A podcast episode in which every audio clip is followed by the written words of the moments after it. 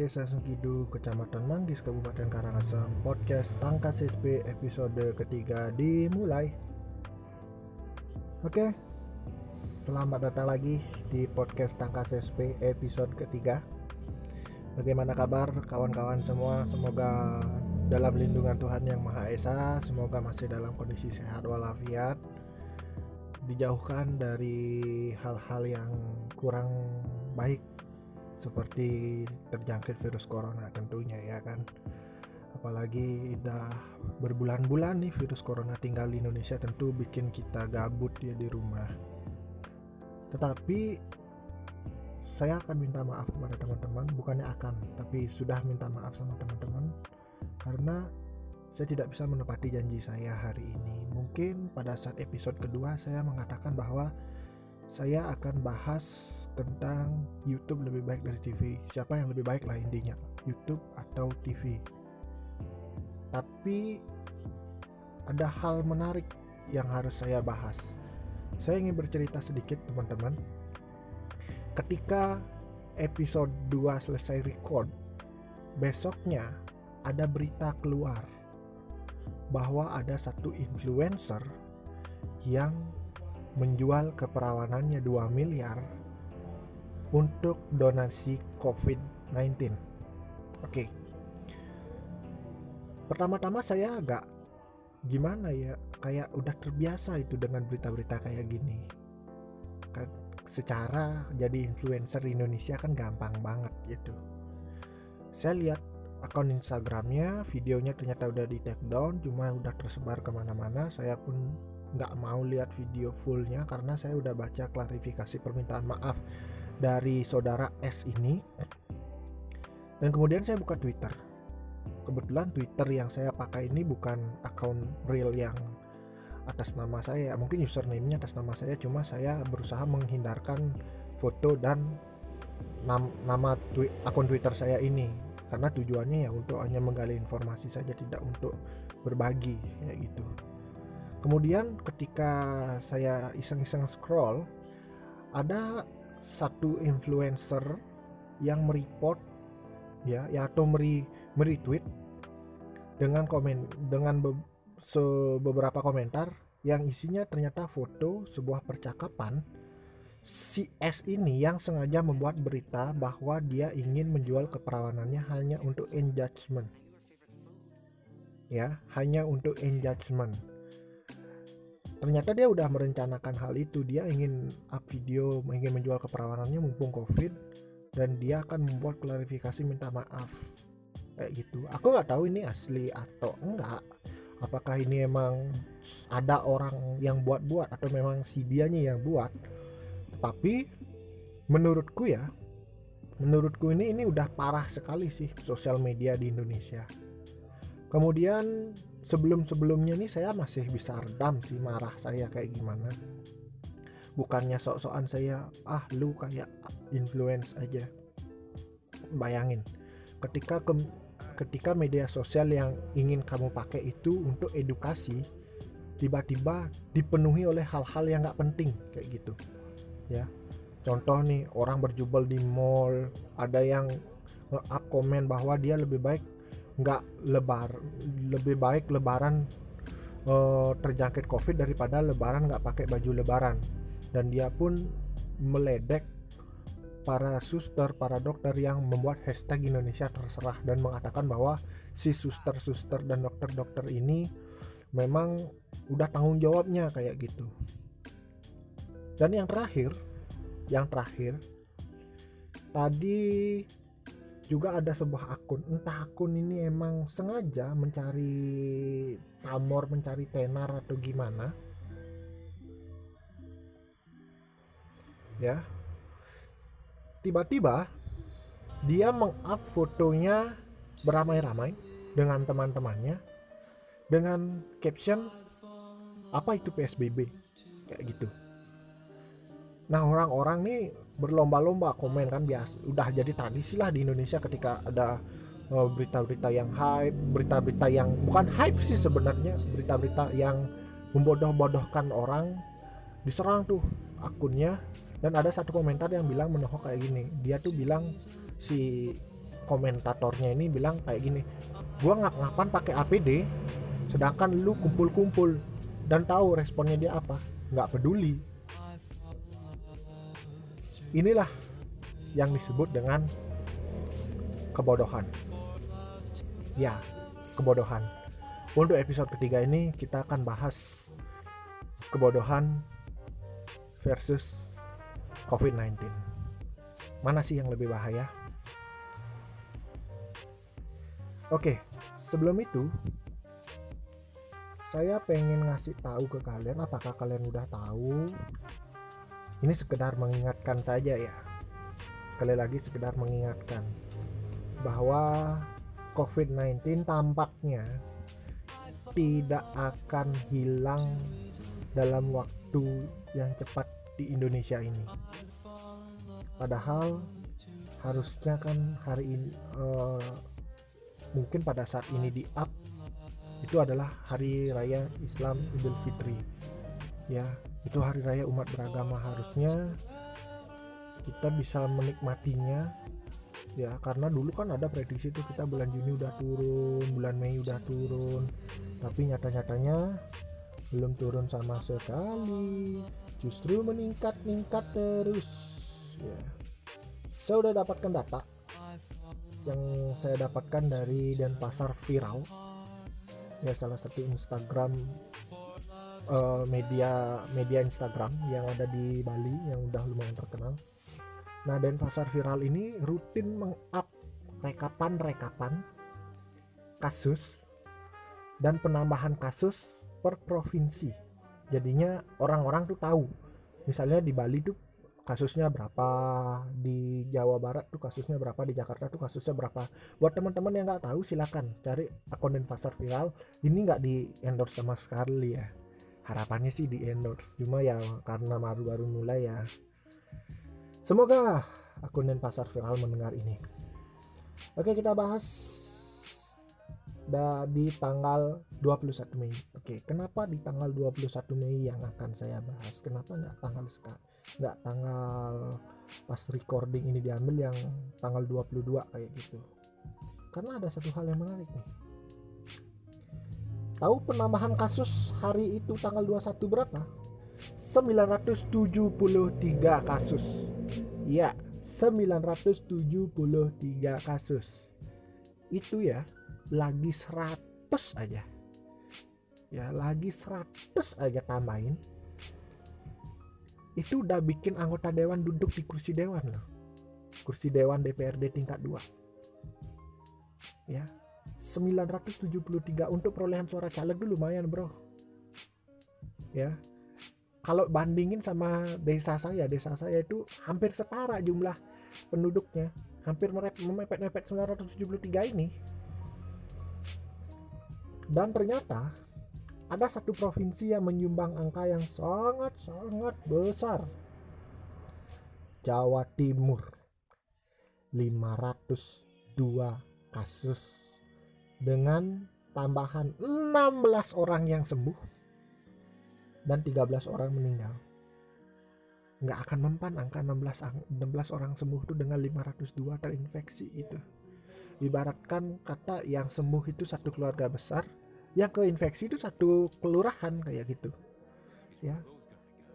Kasus ini yang uniknya adalah kasus ini muncul ketika berita mall Ciledug ya mall-mall itu diserbu oleh orang-orang untuk beli baju lebaran ya. Bukan di Ciledug aja yang kelihatan kan di Ciledug doang di Ciledug Jakarta kalau nggak salah.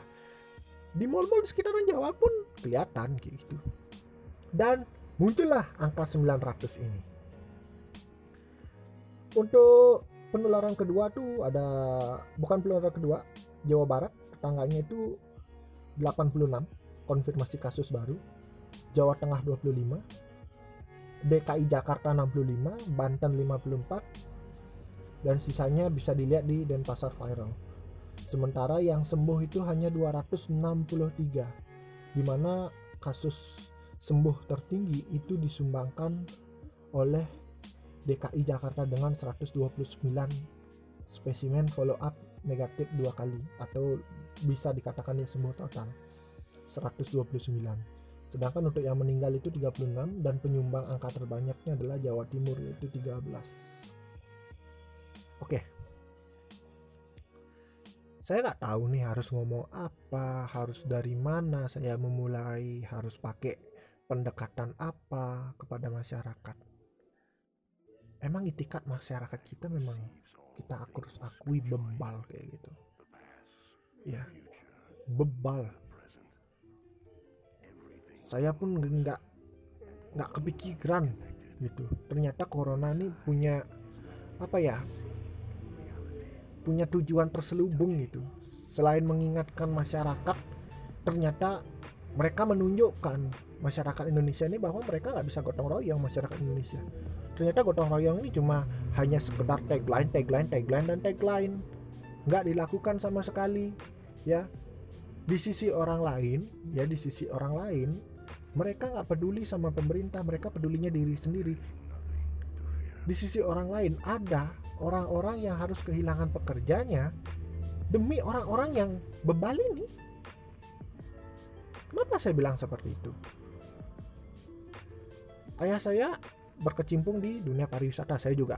Ya walaupun hanya sekedar magang kayak gitu. Saya harusnya magang tuh selesai 24 Mei. Ya kurang lebih lagi dua hari dua hari menjel dua hari nih dua hari. Atau enggak pada saat podcast ini diluncurkan kalau nggak salah. Saya harusnya selesai magang pada tanggal itu. Cuma saya udah libur dari per, di pertengahan Maret. Karena ini COVID-19 ini penyebarannya saya udah lihat dampaknya di tempat saya magang tua tamu udah sepi perlahan tapi pasti uh, orang-orang yang resignnya harusnya bulan September bulan Oktober tuh mereka maju resignnya hanya untuk mengurangi beban perusahaan dan juga para para uh, apa ya para aduh para dewi daily worker. Para daily worker ini harus di cut itu sama perusahaan karena memang untuk men-saving cost agar perusahaan ini bisa jalan kayak gitu. Setelah lama libur, saya pun dengan kabar bahwa perusahaan saya ini terpaksa menutup operasionalnya sementara. Saya pun ikut terpukul sih karena ternyata COVID-19 ini lumayan uh, lumayan banyak lah efek efeknya ke belakangnya gitu kan bapak saya juga merasakan hal itu walaupun agak sedikit beruntung sih karena bapak saya itu jabatannya ya lumayan um, bagus di manajerial. Jadinya beliau tuh hanya terkena unpaid leave. Unpaid leave tuh biar teman-teman tahu tuh libur nggak dibayar.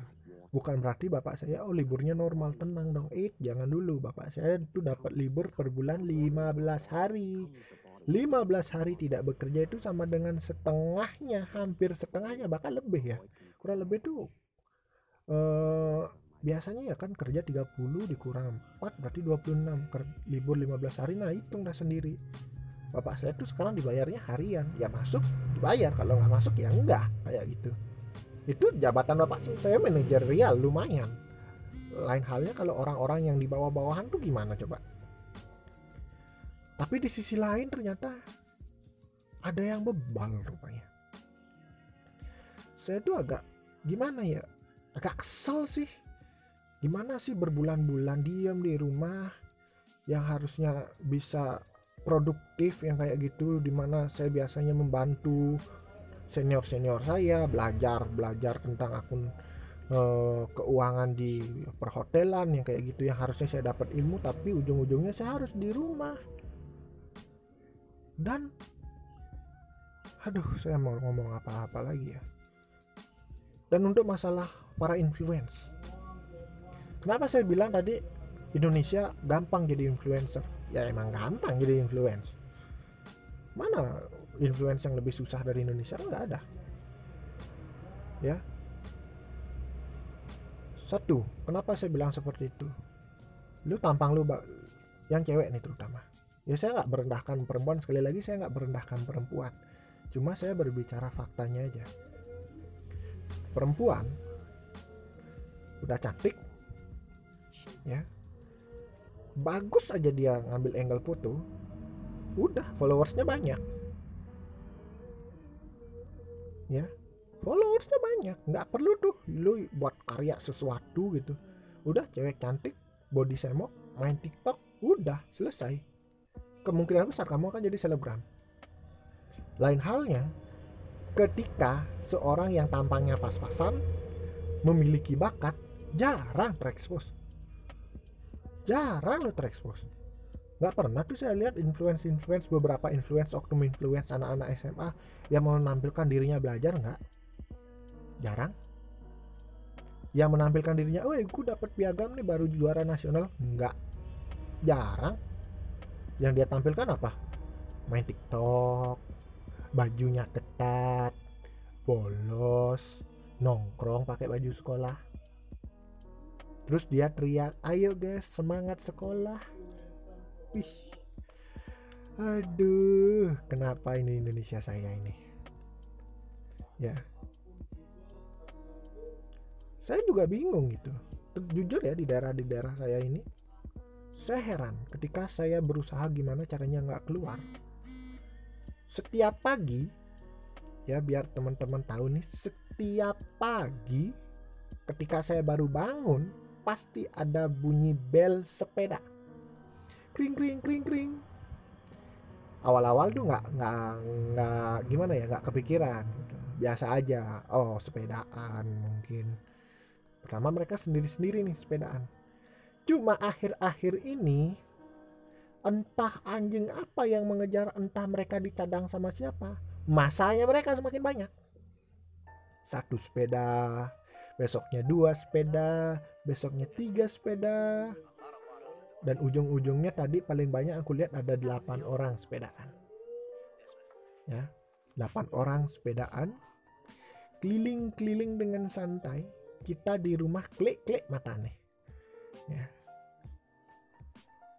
gua nggak iri kah sama kalian yang naik sepeda yang kayak gimana. Cuma social distancing lah.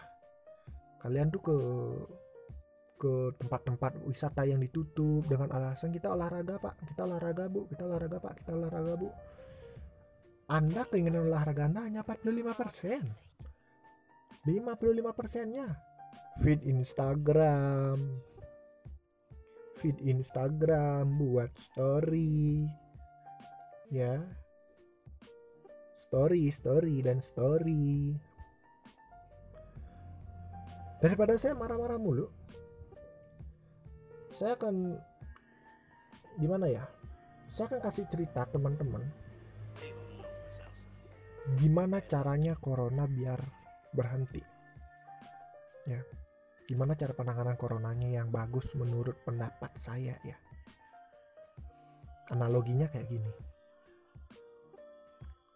ketika lu di, di ladang di ladang sebuah ladang yang luas banget lu tuh tentara ya lu tuh tentara ada keledai ada keledai dan lu dengan satu peleton pasukan tentara dan lu pemimpinnya Ladang itu penuh dengan ranjau. Salah injak. Ranjau itu meledak dan menimbulkan ledak kepada ranjau-ranjau yang lain. Tahu yang kalian kalian harus selamatkan apa?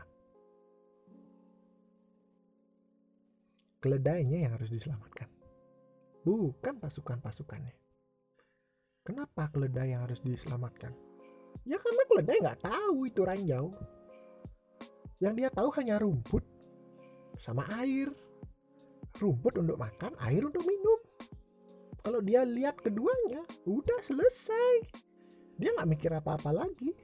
Sedangkan elu berpikir bahwa yang di tempat mereka uh, si keledai itu makan, dekat-dekat itu ada ranjau. Nah ketika satu ranjau meledak, ini semua meledak. Si keledai mati, lu mati, pasukan lu mati semua. Pasukan gua gimana bang? Nah pasukan lu ini kan bisa berpikir lu cukup kasih pengarahan mereka ini ladang ada ranjau jangan maju tetap diam di tempat amati posisi uh, sekitaran. Udah selesai. Ya sekarang tujuan uh, misi lu selamatin nih keledai. Gimana kayak caranya? Analoginya yang sederhananya saya praktikkan adalah penanganannya jangan dari kota. Ya menurut saya penanganannya dari kota karena apa? Orang kota nih udah open minded nggak perlu dikasih di, di dilindungi sedemikian rupa. Nggak perlu mereka tuh udah open minded teknologi udah ada akses informasi gampang. Yang harus dilindungi sekarang adalah desa-desa. Ya desa-desa yang harus dilindungi sekarang. Kenapa nggak lindungi masyarakat-masyarakat di desa? Saya yakin orang-orang yang datang ke department store karena informasinya dia susah, nggak dapat informasi yang valid. Yang dia tahu hanya corona tuh ada di kota, di tempatnya dia nggak. Ya, tolong deh yang dengar dengerin ini, yang punya koneksi ke pejabat, bisa sampaikan. Tolong desa dulu monitoring ya ini udah dibahas kok di beberapa YouTube channel cuman entah kenapa nggak viral aja justru yang viral perang-perang prank-prank telat sahur yang viral. Telat sahur loh viral. Di saat beberapa akun itu memberikan pandangan mereka cara penyelesaian itu nggak viral. Si telat bangunin sahur ini viral. Apa faedahnya sama Indonesia? Kan nggak ada kan? Ya kembali lagi ke caranya. Udah sampai desa ngapain? Data warganya data warganya. Warganya berapa tuh? Yang diem di desa itu berapa? Kemudian apa? Tes. Tes PCR langsung di sana. Rapid test deh dulu. Jangan deh tes web rapid test dulu. Ya. Orang-orang yang negatif orang-orang yang negatif silakan pulang. Orang-orang yang positif tahan. Yang eh, negatif beraktivitas senormal mungkin tapi jangan sampai keluar desa. Ya. Beraktivitas senormal mungkin tapi jangan keluar desa. Kenapa? Ya supaya kayak gimana ya? Supaya mereka tuh tetap sehat. Karena lingkungan mereka kan udah sehat nih. Kita anggap nih mereka zona hijau. Kalau mereka keluar dari desa kemungkinan besar mereka tertular lebih tinggi terus gimana caranya biar nggak tertular nih lingkungan hijau? Jaga perbatasan. Jaga perbatasan. Perbatasan baik perbatasan utara timur barat selatan. Jaga. Jangan sampai ya pintu masuk pintu masuk tertentu itu justru tempat di mana masuknya virus itu jaga di utara jaga di selatan jaga timur jaga barat jaga. Di mana pun ada akses masuk sekecil apa pun. Kalau udah yang positif ini gimana bang? Bawa ke tempat yang aman. Jadikan tempat itu sebagai zona kuning. Isolasi mandiri nih orang. Berapa hari? 14 hari itu misalnya.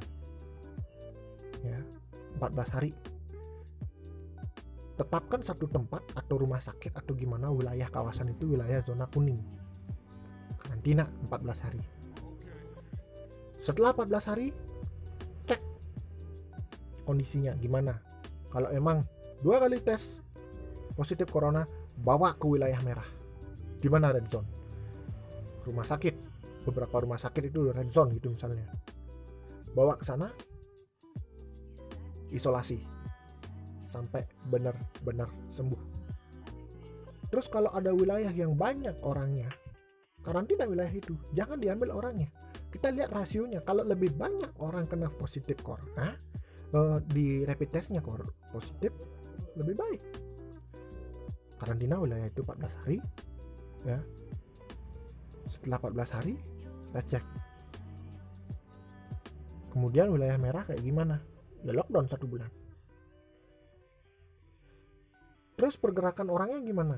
Sekali lagi jangan kasih orang lain masuk. Misalnya saya dari desa A ya jangan kasih orang desa B masuk. Jangan kasih desa C masuk. Boleh beraktivitas normal cuma di lingkup wilayah tersebut. Saya yakin saya yakin yakinnya pemerintah gampang monitoring. Terus yang monitoring itu siapa? Ada kepala desa ada uh, Babinsa ada Babin Kamtibnas terus mereka gimana pembiayaannya? Jujur ya jujur saya bingung. Kartu prakerja fungsinya apa? Ya.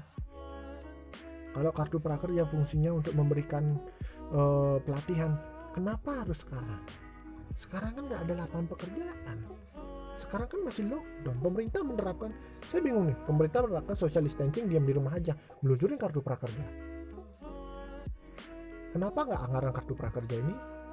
Dipakai penanganan COVID-19 ya kayak gitu.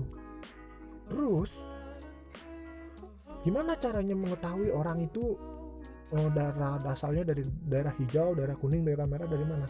Kerang gak gak karet gelang. Sekali lagi karet gelang. Ini caranya kayak gimana sih? Ini udah dipakai sama Cina. Ya tapi Cina lebih hype lagi. Dia itu pakai smartphone harus download satu aplikasinya. Di aplikasinya itulah muncul status kesehatan daerah tersebut. Merah kuning hijau.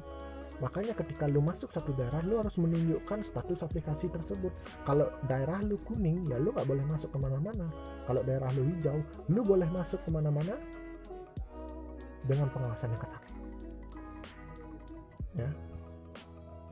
Ya gitu sederhana sebenarnya kenapa dari desa nggak dari kota? Ya karena masyarakat desa ini nggak semua terdidik, terdidik terpelajar. Ya kan kita harus selamatkan mereka dulu. Mereka perlu penanganan ekstra bukan di kota perlu penanganan ekstra. Di kota tuh semua semuanya ada di sana. Kantor polisi dekat di sana biasanya. Gampang nyari pos polisi gampang nyari ambulan nyari rumah sakit gampang. Yang di desa-desa ini di mana fasilitasnya susah. Kenapa mereka dipinggirkan? Saya yakin saya yakin yakinnya kalau dari awal pemerintah seperti itu nggak terjadi nih 500 500 ini nih. Mungkin di awal-awal akan tinggi penyakitnya iya karena kita menjaring. Ya. Kalau pemerintah sekarang lambat misalnya baru sekarang lah posisinya menjaring ya udah pasti lebih banyak akan dapat ke depan ini kan banyak karena apa? Lambat. Udah terlambat kita. Ya kemudian tadi mungkin saya menyebutkan engagement ada satu influencer yang bilang bahwa dia sengaja buat video itu untuk engagement engagement itu apa sih? Oke. Ini yang kita jarang ketahui bahwa sebagian besar influence itu belum siap dengan ini. Apa sih itu engagement oke engagement tuh kayak gini. Engagement tuh keterikatan. Keterikatan. Kalau di bahasa aslinya ya kalau engagement di media sosial tuh kayak interaksi itu. Tingkat interaksi kita dengan para followers ya para pengguna tuh kayak gimana. Contohnya engagement sederhananya adalah ini ada selebriti A ada selebriti B. Si selebriti A ini punya pengikut kurang lebih 2 juta orang. 2 juta orang si B ini pengikutnya cuma 200 ribu. Ya misalnya nih 200 ribu lawan 2 juta. Dari segi followers mungkin yang kalian pikirkan lebih kuat si A daripada si B. Padahal dari segi engagement belum tentu engagement tuh diukur dari mana? Kalau setahu saya di Instagram tuh tiga hal yang diukur. Yang pertama likes, yang kedua komen, yang ketiga adalah foto itu disimpan. Itu dijumlahkan likesnya berapa, komennya berapa, fotonya disimpan berapa. Jika dijumlahkan ketotalannya itu adalah namanya engagement. Ini misalnya yang si A nih engagementnya kurang lebih kalau di rata-rata ya itu cuma 200 ribu itu misalnya. 200 ribu. Sedangkan yang followersnya ini 200 ribu nih 200 ribu nih engagementnya 50 ribu. 50 ribu. Kita anggap deh jumlahnya rata-rata per postingan tuh 50 ribu versus 200 ribu. Mana yang menang? Yang B yang menang. Kenapa?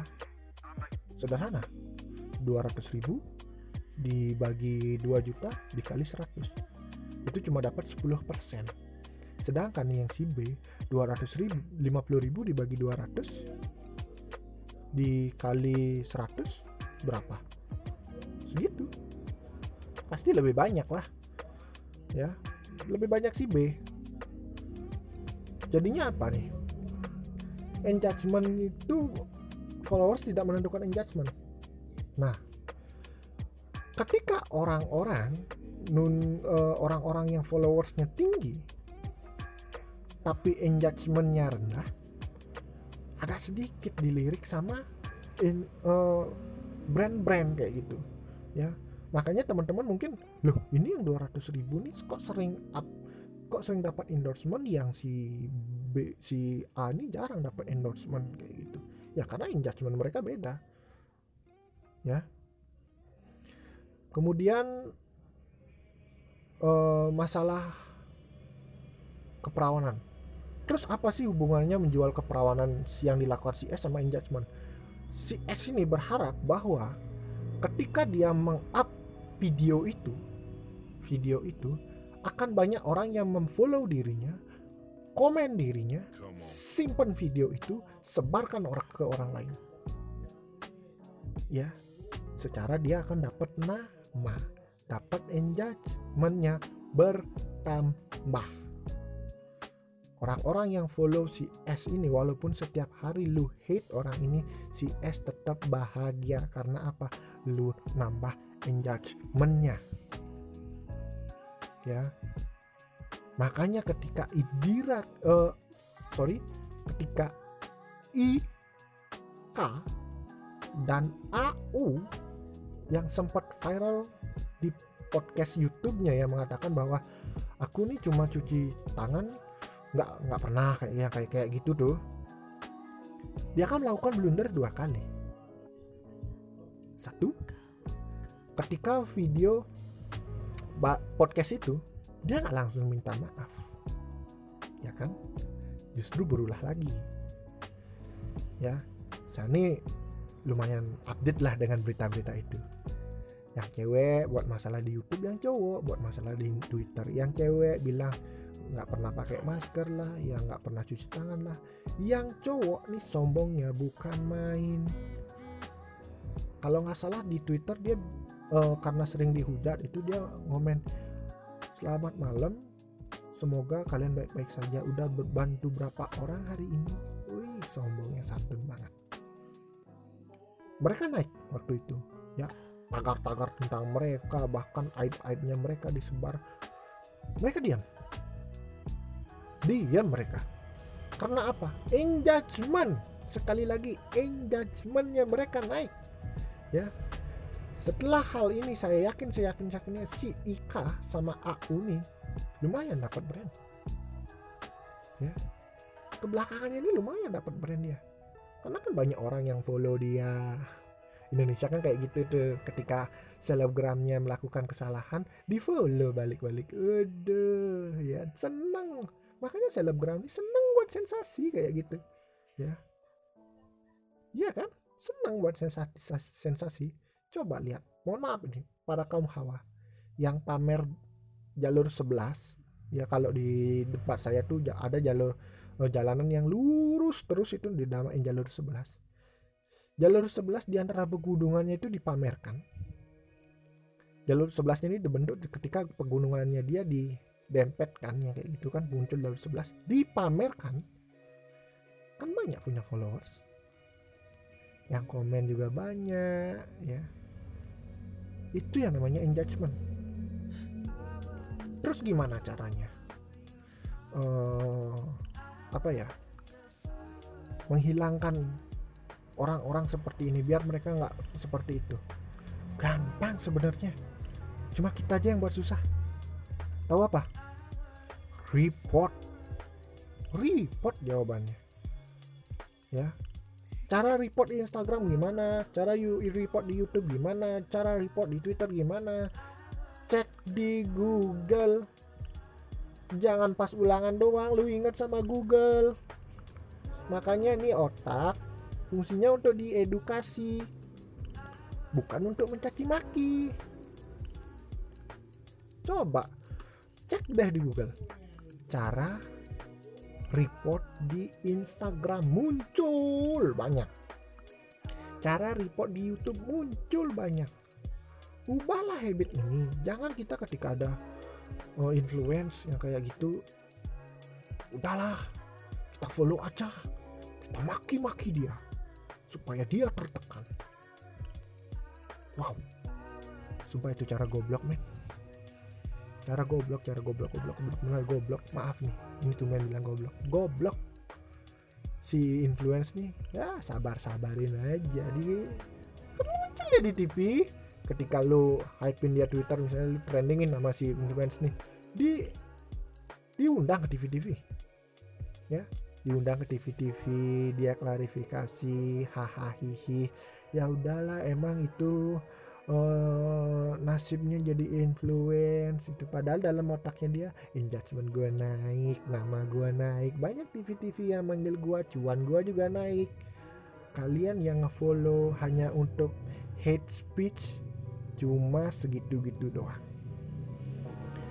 Kalau lu ngerasa penting kalau lu ngerasa bahwa followers itu berharga pakai habit baru pakai cara baru. Saya yakin cara-cara ini bikin orang-orang jerak.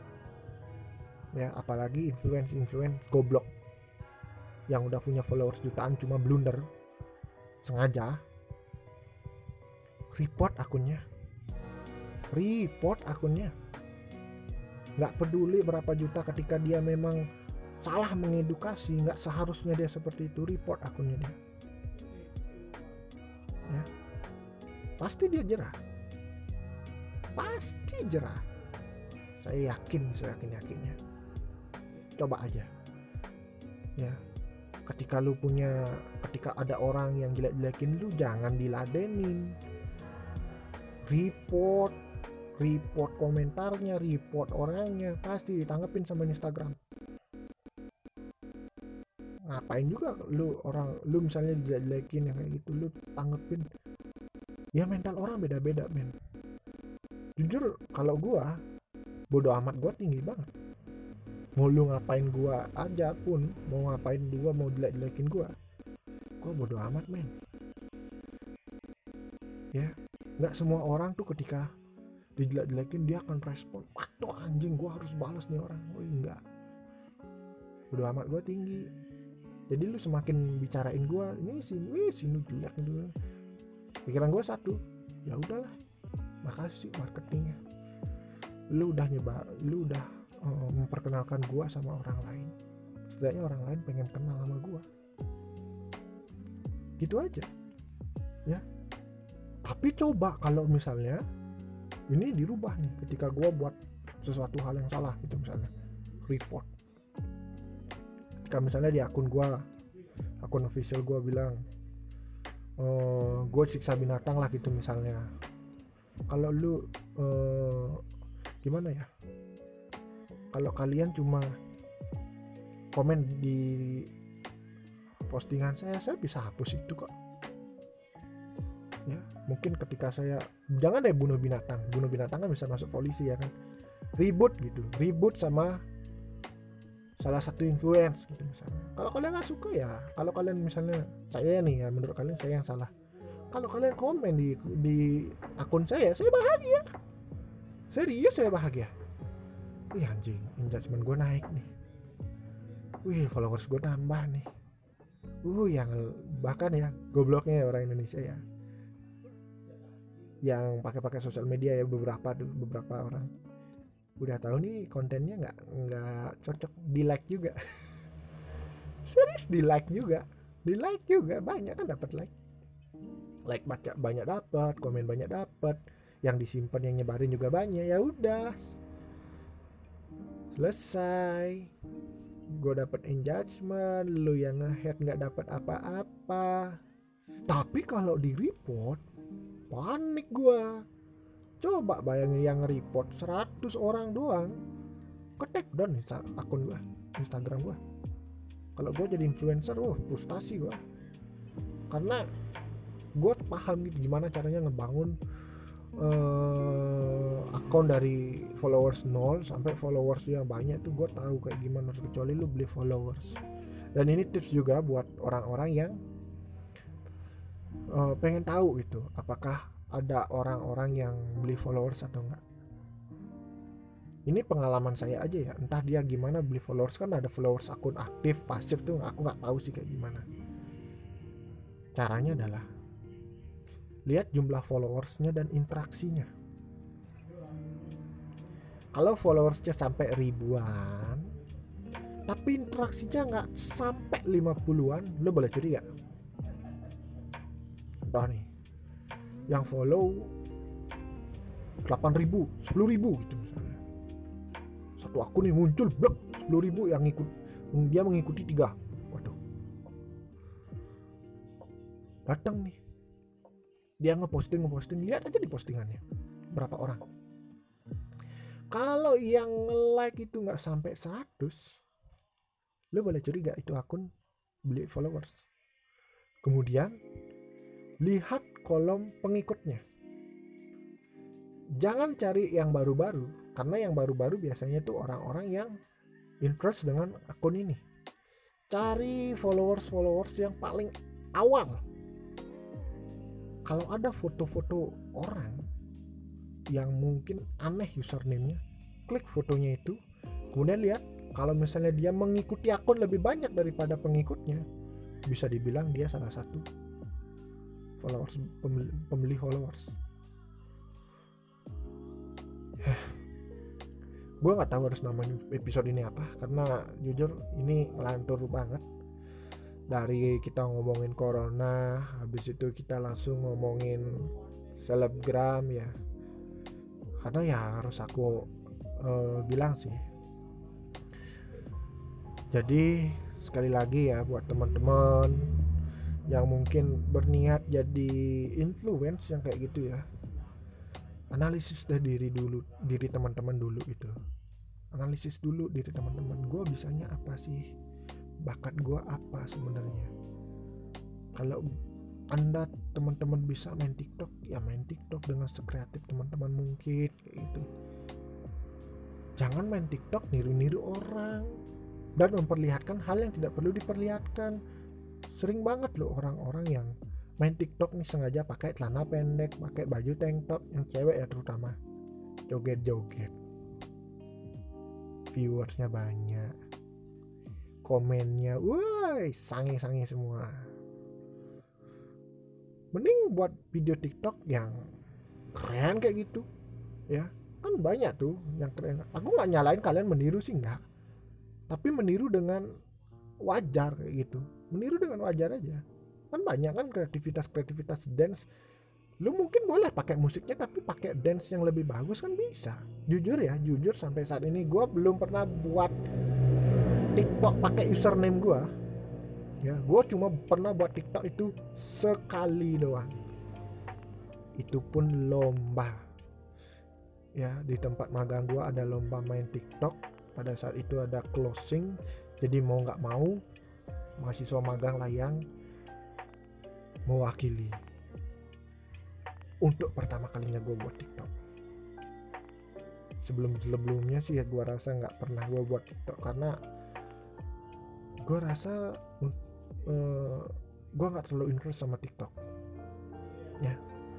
Gue lebih senang main YouTube main Instagram. Instagram pun ya kalau bisa dibilang followers gue banyak sih nggak nggak banget. Followersnya cuma tujuh ratusan ya.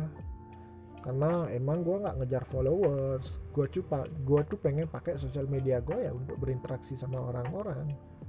Ya gitu. Buat apa kan followers banyak cuma kita interaksinya cuma beberapa orang doang ya kan?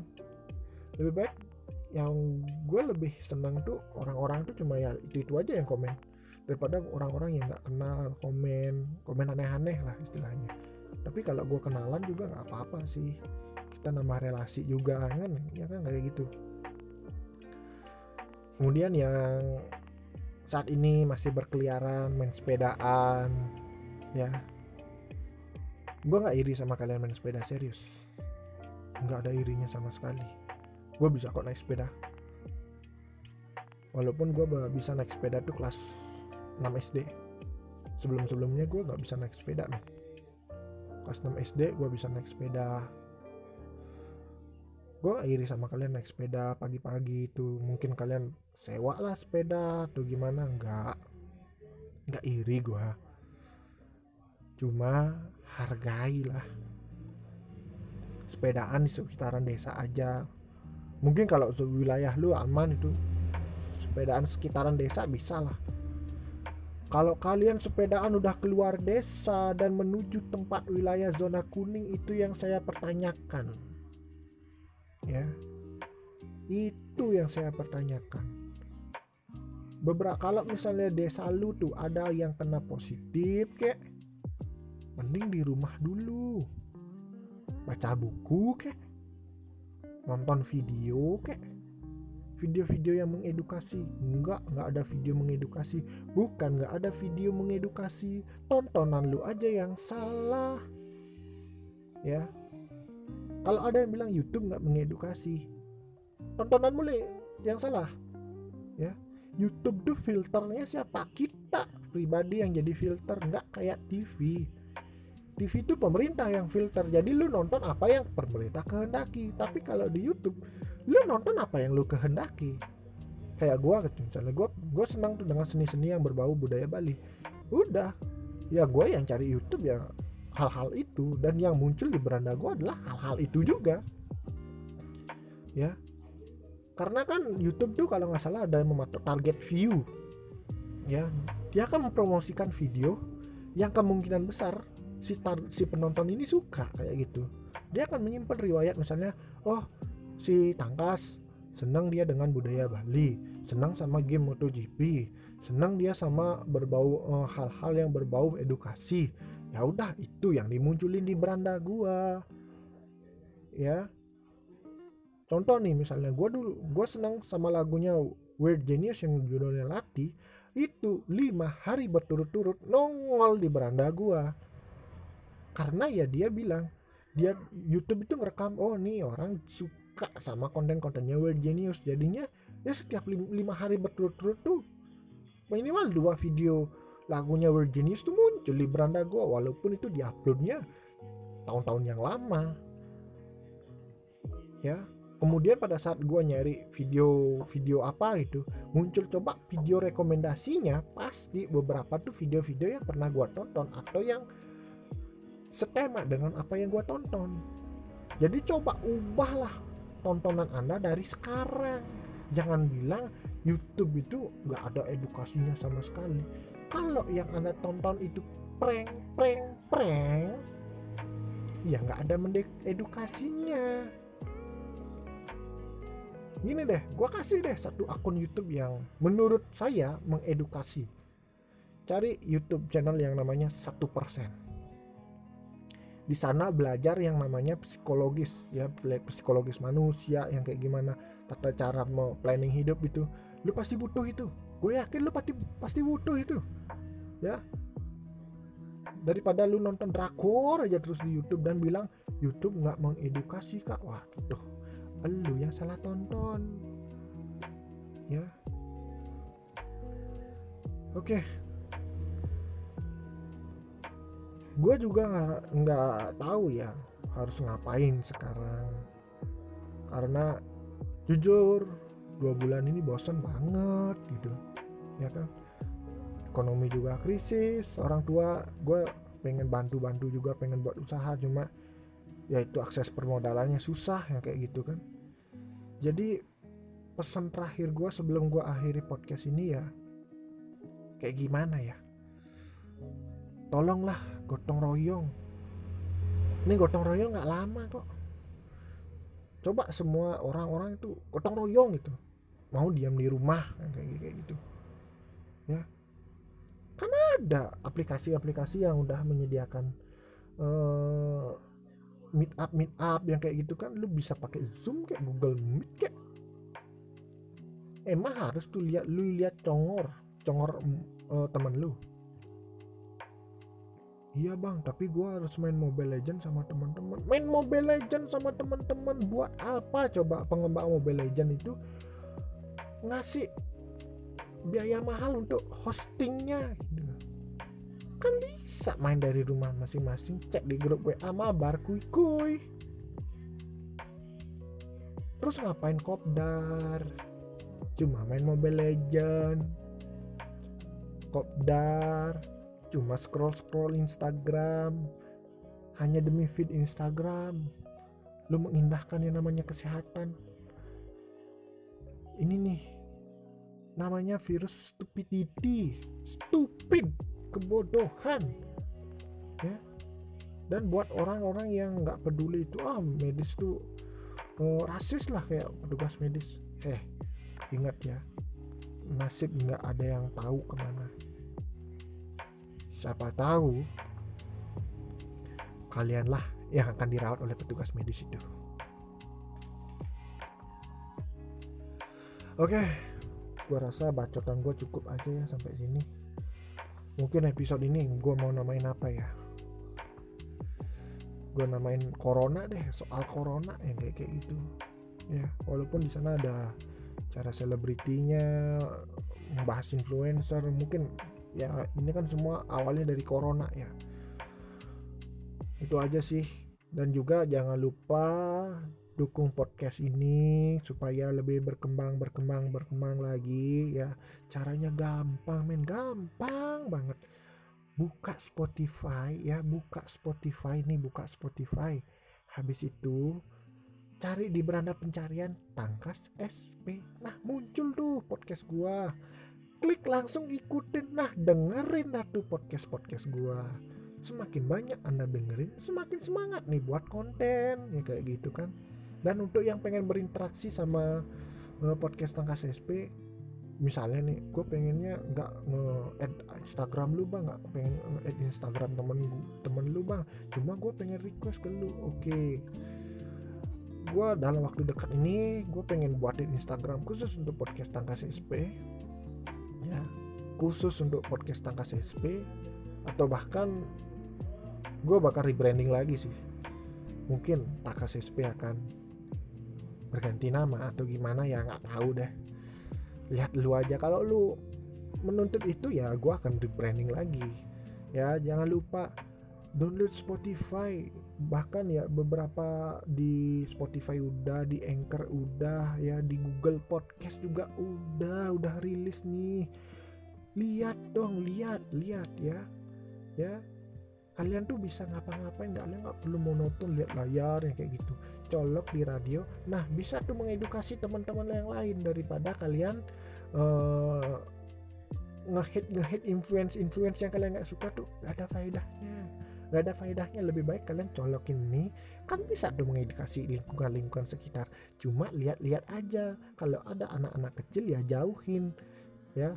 Jangan kalian barbar datang ke musola atau tempat ibadah lu colokin speaker di gerbek masa anda ya. Sekali lagi saya pesenin ya.